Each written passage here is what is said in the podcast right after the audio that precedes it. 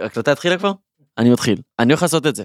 טוב, אני הולך לעשות את זה עכשיו. אוקיי. את יודעת על מה אני מדבר? לא. אוקיי. בפרק הזה אנחנו הולכים לדבר על דיור חברתי, על משבר הדיור, על למה כל כך יקר לקנות דירה בתל אביב, האם זה בכלל אפשרי, ואיפה העירייה תופסת את התפקיד שלה בלנסות לעזור לכם ולכן לשכור דירה בתל אביב. לשכור להשכיר? שנייה, מה זה להשכיר? רגע, אני עכשיו, יש לי בעל דירה, אני שוכר? רגע, אני לא שמתי את זה? המידע זה שלי. מבלבל. זה נחמד להכניס את זה. אוקיי, אני הולך לעשות את זה עכשיו. כן. להסביר את כל הסיבות שבגללן יקר לקנות דירה בתל אביב. אני בחמש. דקות, ככה בום! הולך להביא את זה, 12 סיבות. אך! תקעתי את היד במיקרו, כל כך נלהב כאן. שנייה לפני זה. אתה הולך להסביר או להסביר? אני מתחיל. אבל חמש דקות? חמש דקות. אני שמה שעון. סיבה מספר אחת, מתרבים, אנחנו מתרבים. כאילו, לא רק חרדים וערבים, גם האוכלוסייה החילונית בישראל, אנחנו עומדים בממוצע של 3.09 ילדים לאישה, זה הפריון, מה שנקרא בישראל. אם נשווה, הממוצע של ה-OECD זה 1.7, הם בפיחות טבעי של האוכלוסייה, אנחנו גודלים, צומחים, וזו הסיבה האמיתית שאי אפשר לקנות דירה, כי פשוט יש המון אנשים. אם תשאלי אותי, אז שיהיה פחות אנשים, כן? פחות להתרבות, אבל מי שואל אותי? אנחנו חיים יותר זמן, נכון? וכשחיים יותר זמן, את צריכה לחיות איפה? בדירות, או בבית אבות. לא משנה, זה בניין, הבניין לוקח קרקע, אין הרבה קרקע, ישראל וואו. מדינה קטנה, וואו. ב-2060 אנחנו נהיה צפופים כמו בנגלדש, הולך להיות צפוף פה לאללה, עכשיו הולך להביא סיבות מקרו-כלכליות. ריביות נמוכות, אוקיי? הבנק נותן לך כסף על זה שהכסף אצלו, נכון? זה מה שנקרא ריבית. הוא בזמן הזה גם הולך ומשקיע את הכסף בכל מיני מקומות, זה הגיוני, אז הוא נותן לך על זה שאת נותנת לו את הזכות להפקיד אצלו את הכסף, הוא נותן לך מה נקרא ריבית. והריבית כרגע היא מאוד נמוכה. מהסיבה הזאת, שני דברים קורים. הראשון, לא משתלם להשאיר את הכסף בבנק, ולכן שווה להשקיע אותו. להשקיע אותו במניות, להשקיע אותו גם בנדל"ן, לקנות דירה. מהסיבה הזאת, עוד אנשים רוצים לקנות דירה, עוד סיבה שמגדילה את הביקוש. דבר שני ומשמעותי יותר, זה שנורא זול לקחת הלוואה. אז זה עובד לשני הצדדים. בנק ישראל קובע את הריבית, לא ניכנס לכל הדבר הזה. הבנק נותן לך כרגע ריבית נמוכה, 0.1 אחוז, שזה מעט מאוד. עכשיו זה עובד לשני הצדדים, כי אם את רוצה עכשיו לקחת הלוואה, אז הריבית שאת משלמת היא נמוכה. משמע, שאם אני רוצה לקנות דירה ואני צריכה משכנתה נגיד של 2 מיליון שקלים, אני אצטרך לשלם עליה אחוזים בודדים, כמה עשרות אלפי שקלים, ולא כמה מאות אלפי שקלים. נכון. אפילו אם יש לך, נגיד, הצלחת לאגור מיליון שקל, מזל טוב שני, כי את מיליונרית, תמיד ידעתי שיש לך את זה, תן לי פה איזה, איזה סאונד של צ'יצ'ינג, צ'יצ'ינג, אוקיי? עכשיו, את יכולה לקחת את המיליון שקל האלה, ובגלל שיש ריבית נורא נמוכה, 0.1 אחוז, את יכולה לקחת המון המון כסף מהבנק, ובאמת לקנות דירה, נגיד שעולה 3-4 מיליון שקל, שאלוהים יודע מאיפה תביא אותם, מהבנק, שמביא לך אותם בריבית נמוכה. אם היה משעמם בריבית, אז עכשיו הולך להיות יותר גרוע, אני הולך לדבר על מיסוי. בקצרה, אז אה, מיסוי על נדל"ן נמוך יותר ממס רווחי הון, שזה מה שמקבלים בבורסה, ולכן בעצם המחוקק, הממשלה, מדרבנת אותנו להשקיע בנדל"ן, ולא אה, במניות או בדברים אחרים. אקזיטים בהייטק. זו סיבה יחסית מינורית, כל מה שאמרתי עד עכשיו יותר משמעותי, אבל סתם לדוגמה, בהנפקה של איירון סורס, אז הגיעו לעולם, כמוך שניקי, 230 מיליונרים חדשים, אז תחשבי, שכל הנפקה כזאת, כל אקזיט, סטארט-אפ ניישון. יוצר סטארט-אפ ניישן, סטארט-אפ ניישון משפיע. על הנדליישן. עוד אנשים עם כסף. מאחר ואני חש בחוסר, אה, מרגיש שאין לנו את זה, כן, מרגישה שזה שזה- לא... לא פריך, זה לא מחזיק ריבית. מרגיש שזה לא... אז, אז אני אמשיך ואגיד שפשוט משתלם לגור בתל אביב. איזה כיף שאני אומר את זה בפודקאסט של עיריית תל אביב. למה משתלם לגור כאן? כי מבחינת תעסוקה כולם פה, ומבחינת תחבורה הכל בלתי אפשרי. כאילו, אנשים הרבה פעמים עושים את החישוב, אוקיי, על שעת עבודה אני מרוויח ככה, אם אני עכשיו עובר נגיד לנתניה, אז אני אהיה כשעה וחצי על הכבישים, הלוך חזור, זה שלוש שעות ביום, יוצא לי, משתלם בעצם לגור בתל אביב, ואני עובר לגור בתל אביב, לוקח את אותה משכנתה זולה מהבנק.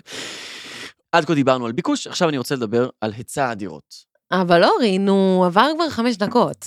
די, לא. אוקיי, אז מעכשיו אני יורה, אוקיי? יורה את זה. למה יש עצה? תני לי דקה. שלוש, ארבע, ו...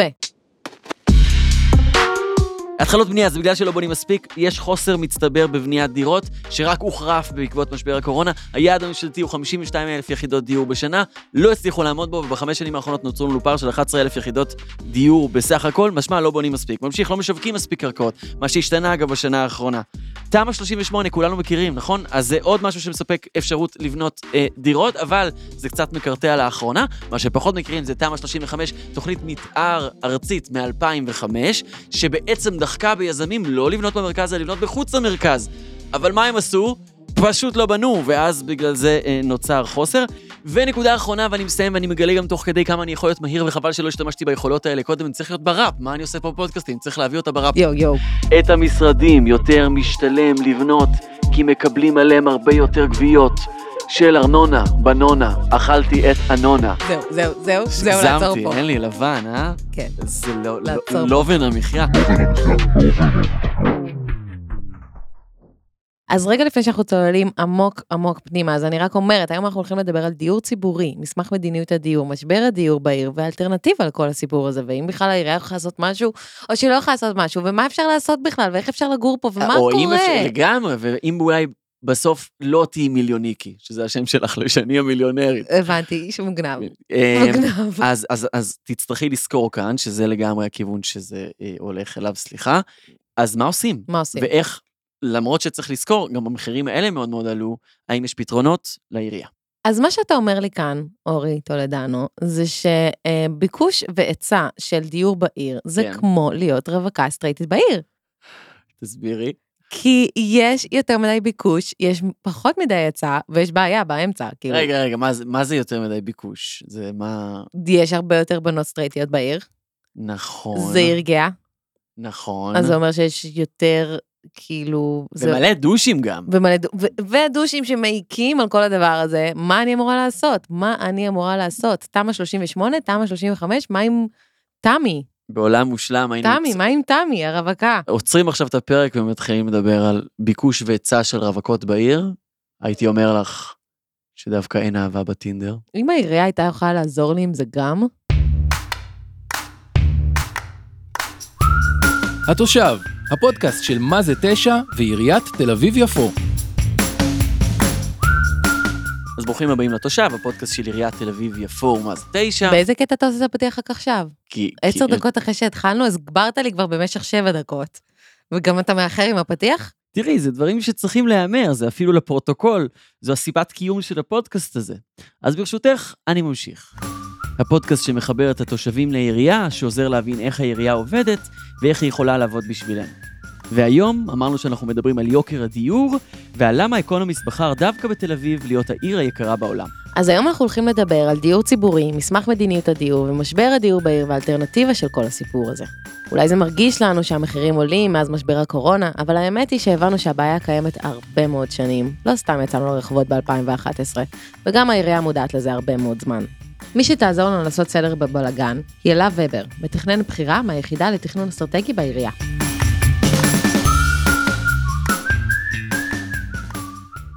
עיריית תל אביב התחילה לקבל איתותים מהציבור שיש פה קושי לגור בהקשר של מחירי דיור, ובעיקר משוכרים, עוד בשנת 2007 ו-2008, וכבר אז העירייה יצאה לעבודה חלוצית בנושא של דיור בהישג יד, שנדבר עליה בהמשך, אבל אנחנו מכירים את הבעיה הזאת ואת הלחץ שהגיע מציבור התושבים שלנו הרבה הרבה שנים אחורה. מי זה האנחנו הזה שהיא מדברת עליו? אותם אנשים שהתפקיד שלהם להבין את משבר הדיור בתל אביב, ואולי, מי יודע, לפתור אותו. מחלקת תכנון אסטרטגי עירוני. הם מתעסקים בכל מה שנראה לנו ברור מאליו, יש להם תוכנית מתאר, הם מתעסקים בתשתיות, תחבורה וניידות, חיזוק השלד הציבורי, סביבה והיערכות לשינוי האקלים. אוקיי, אוקיי. מלא עבודה. מה הם עושים אבל? הם כאילו כמו חוקרים? אמ, לא בדיוק, אבל אנחנו ניתן לאלה להסביר. תכנון אסטרטגי זה דיסציפלינה שנולדה בשוק הפרטי. בשנות ה... בעיקר בשנות ה-60, היו הרבה מאוד חברות בשוק הפרטי שסבלו או נהנו מתחרות עזה, וניסו לחשוב באיזה כלים להתמודד איתה. אני מדברת בעיקר, אולי זה נשמע מפתיע, אני מדברת בעיקר על חברות הנפט הגדולות בארצות הברית, כמו אקסון, והייתה, תחשוב על שנות ה-60 וה-70, הייתה, היה תחרות עזה בתחומים האלה, והם ניסו לחשוב איך הם מקבלים איזשהו יתרון תחרותי, ו... ואז פותחה גישה ושיטה שבה אתה חוקר את המצב הקיים סביבך, ממפה אותו, אוסף נתונים, ובונה חזון לעצמך שמתבסס על אותם נתונים, וגוזר מהחזון הזה מדיניות וכיווני פעולה. הרבה פעמים החברות האלה, גם מה שהן היו עושות, הן היו יוצרות תרחישים של איך נגיע לחזון הזה, ואז הולכות ברוורס למה צריך לקרות כדי שנגיע לשם. זה היה עולם עסקי, תחרותי, ושם זה התרחש במשך כ-20 שנה, וזה לא היה מוכר בעולם של התכנון העירוני. ואז, בשנות ה-80 היו ערים בעולם שפתאום נחשפו לשיטה, ואמרו לעצמם, רגע, זה נורא נורא מעניין. יכול להיות שאנחנו יכולים לאמץ את הכלים כדי לתכנן קדימה את העיר שלנו? ואז יש ערים כמו ברצלונה, כמו טורונטו, כמו אמסטרדם, שאמרו בואו נעשה את אותו דבר. נאסוף נתונים, נמפה את המצב הקיים, נגבש חזון ומדיניות וכיווני פעולה. אגב ברצלונה, לקראת האולימפיאדה של 92, מה שהם עשו שם זה מטורף, אורי, מטורף. הם הפכו את כל העיר ובנו אותה מחדש. אני לא אכנס איתכם לפרטים, אלא אם כן זה מעניין אתכם שבנו שם 150 כיכר. אהבתי מאוד את השימוש ביחיד קצת כמו 200 פיתה. כן, תמשיכי. תודה, תודה. אני אתן לכם דוגמה. אזור תעשייה שלם שהיה על קו החוף, פינו אותו, ובנו שם טיילת באורך של fucking חמישה קילומטרים. פתחו את החוף לציבור. זה כמו שיקחו בחיפה את הנמל ויזרקו אותו לפח ובמקומו יבנו חוף ענק עם טיילת וים וכיף. אתה יודע, אורי, וואו. מה יקרה שלחיפה יהיה חוף מרהיב וטיילת? נשמע לי מדהים, מה יקרה? לא יקרה כלום, כולם עדיין יגורו בתל אביב. וגם תל אביב עשתה את זה, אני כמעט בטוחה שראשונה במדינה, אבל לא לתפוס אותי במילה, ב-2005. כמעט בטוחה וצודקת. יצאה התוכנית האסטרטגית העירונית הראשונה, בדיוק על פי המתודולוגיה הזו, וכמובן שדבר כזה זה דבר שצריך לעדכן אותו מעת לעת, הוא לא יכול להישאר קפוא, החיים כל כך משתנים, וב-2017 יצא עדכון של התוכנית האסטרטגית. אז זה העולם שאני נמצאת בו, הרבה מאוד, מה, לא כל העבודות, אבל הרבה מהעבודות שאני עושה מהסוג הזה.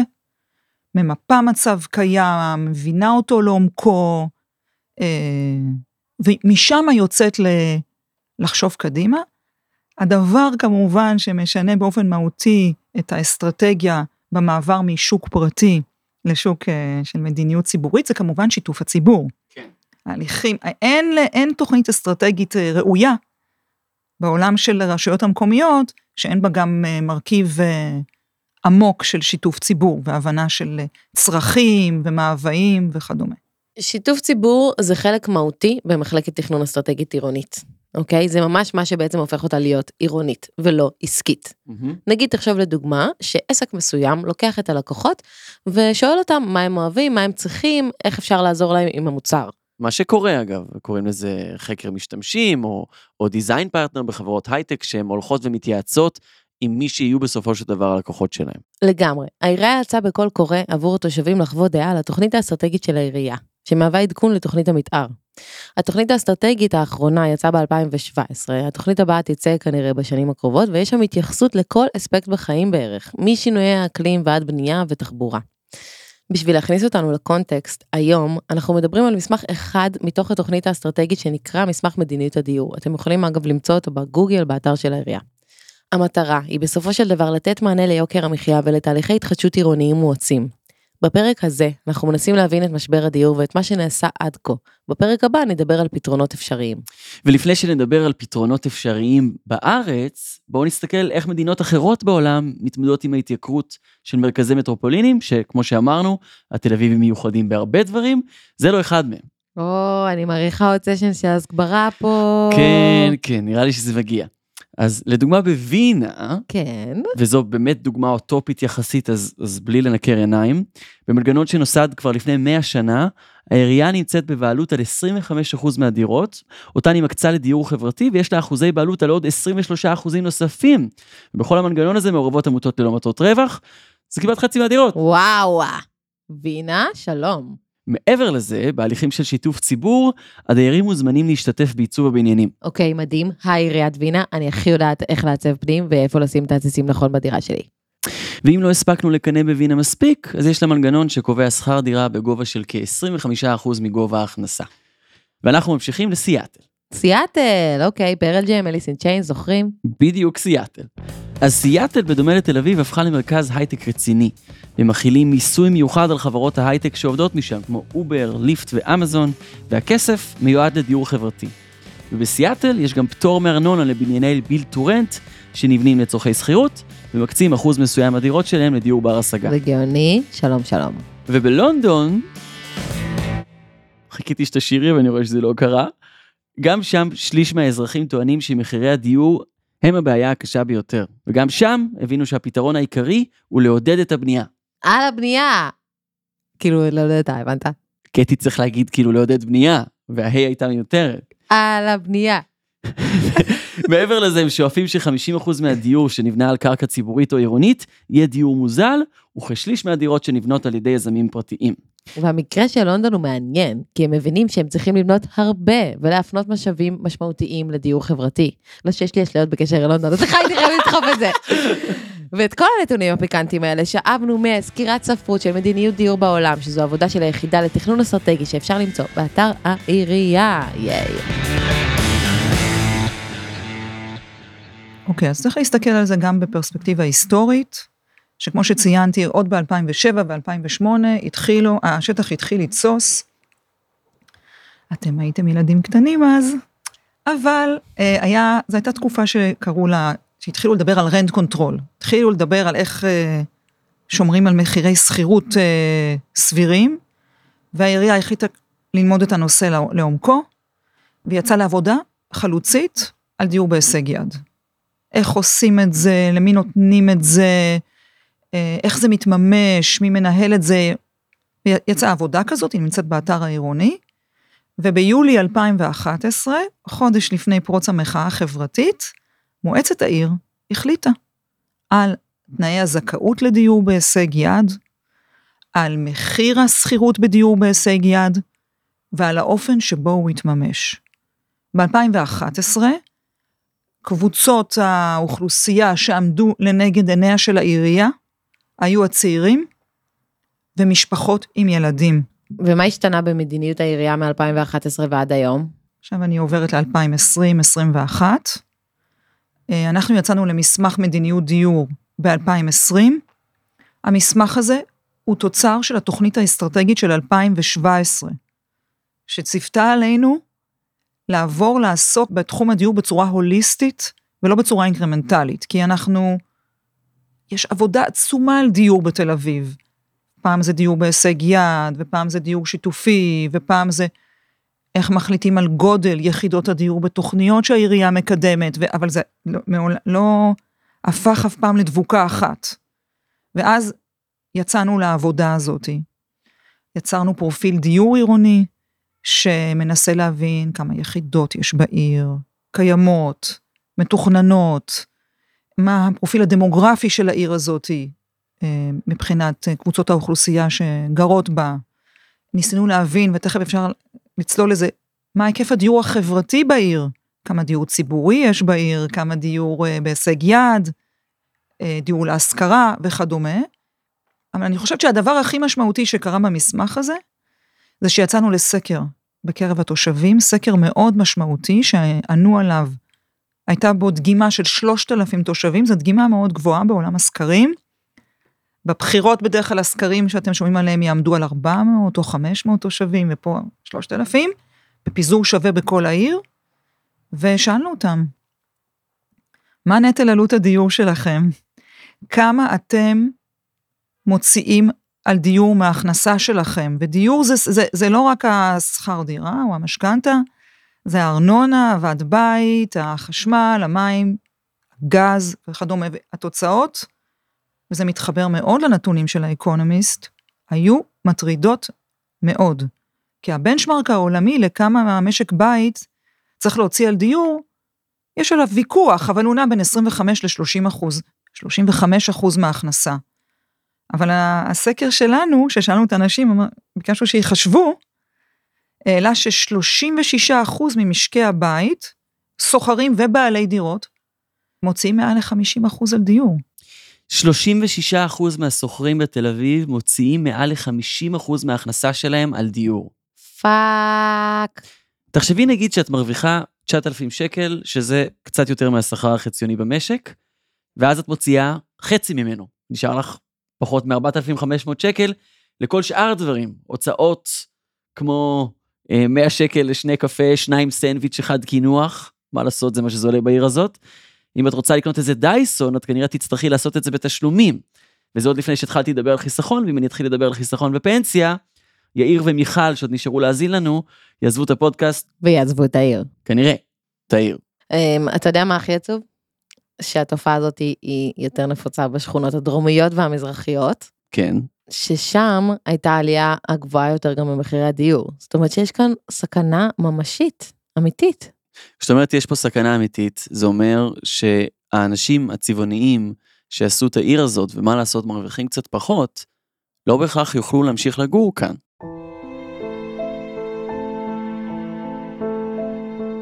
השחקנית שגרה בדרום העיר ורוצה לעלות הצגת יחיד ולהופיע בתיאטרון פיקוס השדרה. ובינתיים עובדת במלצרות. המוזיקאי, נגן הגיטרה, שעושה כל מיני הפקות למחייתו, ובסך הכל רוצה להקליט את האיפי שלו, ואולי להופיע מדי פעם בקולי עלמה. אם יגיעו 30 אנשים, זה יהיה בסדר מבחינתו. הוא יקבל גם 10% מהבר. הסופר שכותב את הספר שתהיה יצירת חייו, ובינתיים מתפרנס מלעבוד בגן ילדים. אוי, מקסים. מי זה הסופר הזה? לא יודע, אבל הוא סופר מבוקש בטינדר. אוקיי. וגם זו שיושבת בביתה וגרגה, מזוהה כלסבית, היא אמנית פרפורמנס, שבסך הכל רוצה לעשות מופע שבו היא זורה על עצמה זירי מלח ולהתפלש בתוך contact improvisation, ופשוט סתם, פשוט סתם ליהנות, סתם לעשות אמנות בתוך העיר הזאת. אז כשאנחנו מדברים על עליית מחירי הדיור, אנחנו בעצם מדברים על הסוף של העיר הזאת, וזו טרגדיה.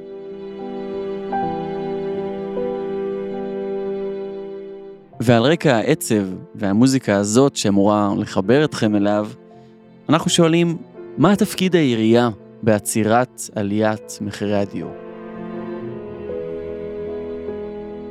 העירייה היא עירייה אחת במדינה עם כלים מצומצמים מאוד לטפל במשבר הדיור.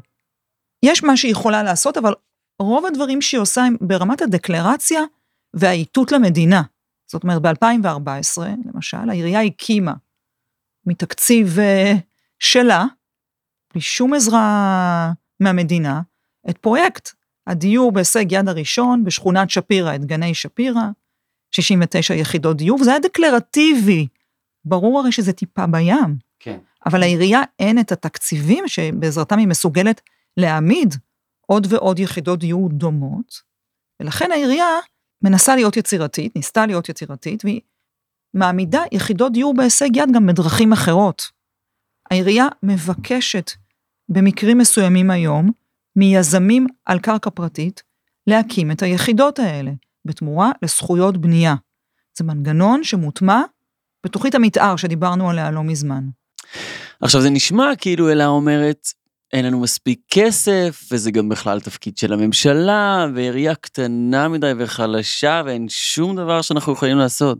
וזה עלול להישמע כמו אוי אוי אוי, אבל היא לגמרי צודקת, כי תקציב העירייה לשנת 2022 עומד על 7.7 מיליארד שקל, שמתוכו כמעט 50% מוקצה לחינוך, רווחה, קהילה, תרבות ופנאי, ונחשו כמה עולה לדוגמה תוכנית ממשלתית מפוארת כמו דיור למשתכן?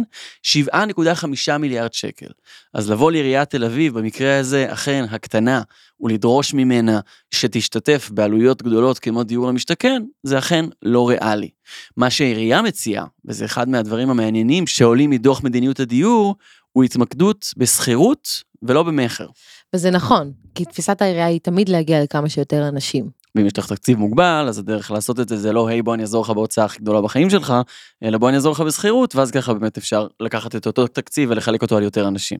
אז בואו נעשה סדר, ונבין איך העירייה והממשלה עוזרת לאנשים לשכור ולקנות דירה, במה שנקרא דיור חברתי. יש את העולם של הדיור הציבורי. אה, יש מעט מאוד דיור ציבורי בתל אביב היום, 3,500 יחידות, מתוך כמה, אגב? מתוך אה, 213,400 יחידות, זה אחד, איזה- ספציפיות, כן. אה. זה התפקיד. אה, 1.5% מהאינבנטר העירוני. doesn't make sense כשאנחנו יודעים שבעיר הזאת 15% ממשקי הבית הם בעשירונים 1 עד 3, הם בדרך כלל העשירונים שרלוונטיים לזכאות לדיור ציבורי. ומה הקריטריונים, מה זה אומר בדיוק? לא, לא יודעת לדקלם את, את תנאי הזכאות. אני רק יודעת לומר שיש לנו בעיה מבחינה עירונית בהקשר הזה, כי ה, יש את חוק המכר שמאפשר מכירה של היחידות האלה לדיירים שמשתכנים בהם. ה-bad side זה שהמאגר מתכלה, ואנחנו לא רואים שהמדינה, לפחות בתל אביב, קונה יחידות נוספות כדי לקומם אותו. כן. אז דיור ציבורי זה בעצם דיור מוזל. מוזל מאוד, עד כמה מוזל? אני לא יודעת כמה מאות שקלים בחודש, מוזל מאוד, לדעתי אפילו אין דמי ניהול. כן. זה עולם שצריך להכיר אותו, אבל הוא מאוד רלוונטי לתל אביב. אנשים, כולל הממשלה, נוטים לשכוח. הם אומרים אזור ביקוש, אזור אה, הצנטרום של הפיילה, אבל יש פה אנשים שצריכים את המוצר הזה, גם אם האזור הזה הוא אזור ביקוש, ואנחנו צריכים אותם בעיר. כן. מי אנחנו, חשוב לנו שיהיה איתנו כאן על, על הספינה. הזכרתי את היוצרים ואת האמנים, אבל זה גם כל מיני נותני שירותים במלונאות, במסעדנות, והם צריכים להיות פה איתנו, הם לא צריכים לנסוע שעתיים ביום לעבודה. אז יש את העולם של דיור ציבורי. עכשיו יש באמת את העולם של דיור בהישג יד. יש היום סדר גודל של 300 יחידות דיור בהישג יד, קצת יותר שמאוכלסות, יושבים בהם אנשים, מרוצים ברובם, גם את זה סקרנו, ויש הרבה יחידות בקנה, בעיקר בקרקעות בתוליות בעיר, שזה שדה דוב, אבל כמובן שזה טיפה בים ביחס לצורך העירוני. עכשיו, אנחנו גם תופסים השכרה במחיר שוק בתנאים מסוימים כדיור חברתי. זאת אומרת, לתפיסתנו, המצב בשוק השכירות הוא כל כך גרוע, שאם ייכנסו לתמונה יזמים גדולים כקטנים ויציעו שכירות שהיא ארוכת טווח, ראויה מבחינת תחזוקה והוגנת מבחינת קצב עליית מחיר שכר הדירה, זה גם דיור חברתי לתפיסתנו, במחיר שלא עולה. עולה בצורה מבוקרת. כן. זה לא שהבעל בית בא בסוף השנה ואומר לך, עוד, אני מוסיף אלף, ואין לך מה לעשות עם זה. זה נשמע לי כמו כל סוף שנה בינתיים. אה, כן. אני רק רוצה להגיד שלפחות לתפיסתנו, במסגרת מסמך המדיניות, מה שאנחנו בעצם באים ואומרים לתושבי העיר, אנחנו רוצים להשאיר אתכם פה, אבל הכלים שאנחנו מעמידים לרשותנו ולרשותכם, הם כלים מעולם השכירות. אנחנו לא נוכל לעזור לכם לקנות דירה בתל אביב, אבל אנחנו נעשה כל מאמץ שתישארו בתנאי שכירות הטובים ביותר שניתן יהיה להשיג, בין אם זה שכירות במחיר שוק, ובין אם זה שכירות במחיר מופחת, כי צריך לומר, יש פה הרבה מאוד אנשים, לא הרבה, יש פה אנשים שמסוגלים לעמוד בשכירות במחיר שוק, אבל התנאים שלהם כל כך גרועים, שזו יכולה להיות מבחינתם עוד סיבה ליציאה מכאן. ועבור אותם אנשים שמחפשים יציבות ויש להם את הכסף לשלם לשכירות במחיר שוק, קיים גם הפתרון של שכירות מוסדית. חברות כמו מגורית שמציעים לאנשים לגור במשך עשור או אפילו 15 שנים במחיר קבוע ולא משתנה. ואם עד כה דיברנו על כמה עשרות יחידות אה, דיור בבית המורה ועוד כמה עשרות בשכונת שפירא, אז כשאנחנו מסתכלים קדימה אנחנו רואים שבשדה דוב יהיו כ-6,600 יחידות דיור לדיור בהישג יד, ששם גם לעירייה תהיה באמת השפעה על מי שמקבל אותם אה, לפי המשכורת שלהם ועוד כמה קריטריונים נוספים. שזה כבר באמת נהיים מספרים משמעותיים, אם אני לוקח 6,600 יחידות דיור, כופל את זה נגיד בארבע, זה כבר בערך 25 אלף איש, שנהיה יותר משמעותי, לא כמו בסיאטל, לא כמו בווינה, לא כמו בלונדון, אבל זה כבר בהשוואה לעיר שמונה 450 אלף איש, זה כבר משהו. כן, לגמרי. אנחנו ביחידת הצעירים עובדים כדי לעשות את החיים פה הרבה יותר קלים לשוכרי הדירות, ושיהיה סבבה לגור פה. אנחנו מנסים לתת כל מיני מענים, כמו נגיד ייעוץ משפטי לשוכרי דירות, פגישות מסובסדות עם עורכי דין, חוזה שכירות להורדה באנגלית ובעברית, ייעוץ תעסוקתי למחפשי עבודה, מלגות דיור עצומות לסטודנטים בדרום העיר, ועדיין, אני לא מבינה איך אנחנו כצעירים יכולים לעזור ולהשפיע בצורה כל כך משמעותית בתוך כל הנושא הזה. היה לכם פודקאסט נפרד על זה, כל הסיפור של חוק שכירות הוגנת. זה חוק שכירות שלא צלח. אוקיי. ואנחנו פה מבחינתנו רוצים לעשות הפקת לקחים ביחס לחוק הזה, ולנסות להבין איפה, אנחנו יודעים איפה, במידה רבה שיכול שההתערבות שלו בכוחות השוק הפרטי הייתה אגרסיבית מדי. ברגע שנסיים את העבודה על מסמך המדיניות, זו, אחת מעבודות ההמשך שלנו, שהיינו שמחים לעשות בשיתוף פעולה איתכם, ועם, אה, בכלל עם הצעירים בעיר, בש- בשיתוף ציבור הצעירים בעיר, ולנסות לראות אם אפשר להציע מתווה רך יותר לחוק הזה. שמתמקד יותר באיכות המוצר שאתם תקבלו, אה, ברמת התחזוקה שלו, כן. בשיעור עליית מחיר, אבל שלא פוגעת גם במשכיר. כי יש משהו לא הוגן בלהגיד לבן אדם פרטי, בוא תעזור לי פה עם משבר הדיור, אני בבעיה. יש משהו לא הוגן בזה. ואז פה צריך לה- להלך על חבל דק מאוד שלא פוגע בו ובכלכליות של ההשכרה, של הנכס, ומצד שני נותן לשוכר ד- דיור נאות, לאורך זמן. Okay? אז אנחנו יוצאים לעבודה, אנחנו למעשה כבר מתניעים את העבודה הזאת, בודקים מקרים דומים בעולם של השנים האחרונות, כי בשנים האחרונות היו הרבה ערים בעולם שהצליחו וכשלו בתחום של רגולציה, אז זה, זה אנחנו, וזה שיתופי הפעול, הפעולה שיכולים להיות בינינו בהקשר הזה, לבדוק שוב את החוק הזה, חוק ולראות. איך אפשר להעלות אותו שוב, חוזרים אליו שוב. אבל אה, לא, לא, לא במתכונתו הקודמת, אלא במתכונת שהיא טובה יותר לכל הצדדים המעורבים במהלך הזה. ותודה לאמבולנס שעבר, שהרס לנו את ההקלטה. אווירה של ייאוש, לא יודע מה איתך. דבר הכי מדכא ששמעתי הפודקאסט הזה. אז כן, זה נכון, כמו שאמרנו בתחילת הפרק, אנחנו מנסים להבין את משבר הדיור, אנחנו עדיין לא מנסים לפתור אותו, את זה נעשה רק בפרק הבא, אבל כאן עדיין אווירה של ייאוש. גם לא בטוח שנפתור אותו בפרק הבא. אמרתי ננסה, זוכרת ששמתי לב, אמרתי ננסה. אוקיי, אבל אנחנו גם לא נעזוב את העיר, נכון? מה זאת אומרת? נראה לך שנעזוב את העיר? יש לנו אני מקום כבר אחר. עזבתי, עברתי ליד אליהו. זה נכון, אבל יש לנו מקום אחר לחיות בו? כאילו, לא נראה לי. או שכן, פורטוגל? לא. אני נולדתי כאן, דוגרי נולדתי בשיקגו. יש לי גם דרכון, אני יכול לברוח, אבל... היי, עשיתי אורי. עליה בגיל שנתיים. היי, אורי, אני שני. קיצור, אז אני סוג שנולדתי פה, גדלתי כאן, ההורים שלי כאן, הם יעזרו לי עם הילדים כשיהיו, ו- ו- ואני אזרוק עליהם אותם בסופי שבוע ואסע למלטה. ואני חיתולים במגירה הראשונה. הולך, אני הולך לחיות פה. ובפרק הזה אמנם הבאנו את הייאוש, בפרק הבא אני מקווה נביא את התקווה. או את הבשורה. סתם רציתי להגיד את זה. מביאים את הבשורה, למה אי אפשר לשים תבואו למה שירים זה תשע בפודקאסטים? בינתיים, טוב? עד כאן, התושב. תודה רבה לדור קומט, עורך העל חלל, שערך לנו את הפודקאסט הזה. תודה רבה לאורי טולדנו, משם הפודקאסטים ויצירות סאונד. תודה רבה לשני לוי, אגף הצעירים, מה זה תשע עיריית תל אביב-יפו, והפרק הזה אנחנו חייבים להגיד, היה קשה, קשה שמח. שהוא נגמר. אני גם, אין לי כוח יותר, אני לא יכולה לראות אתכם. ביי!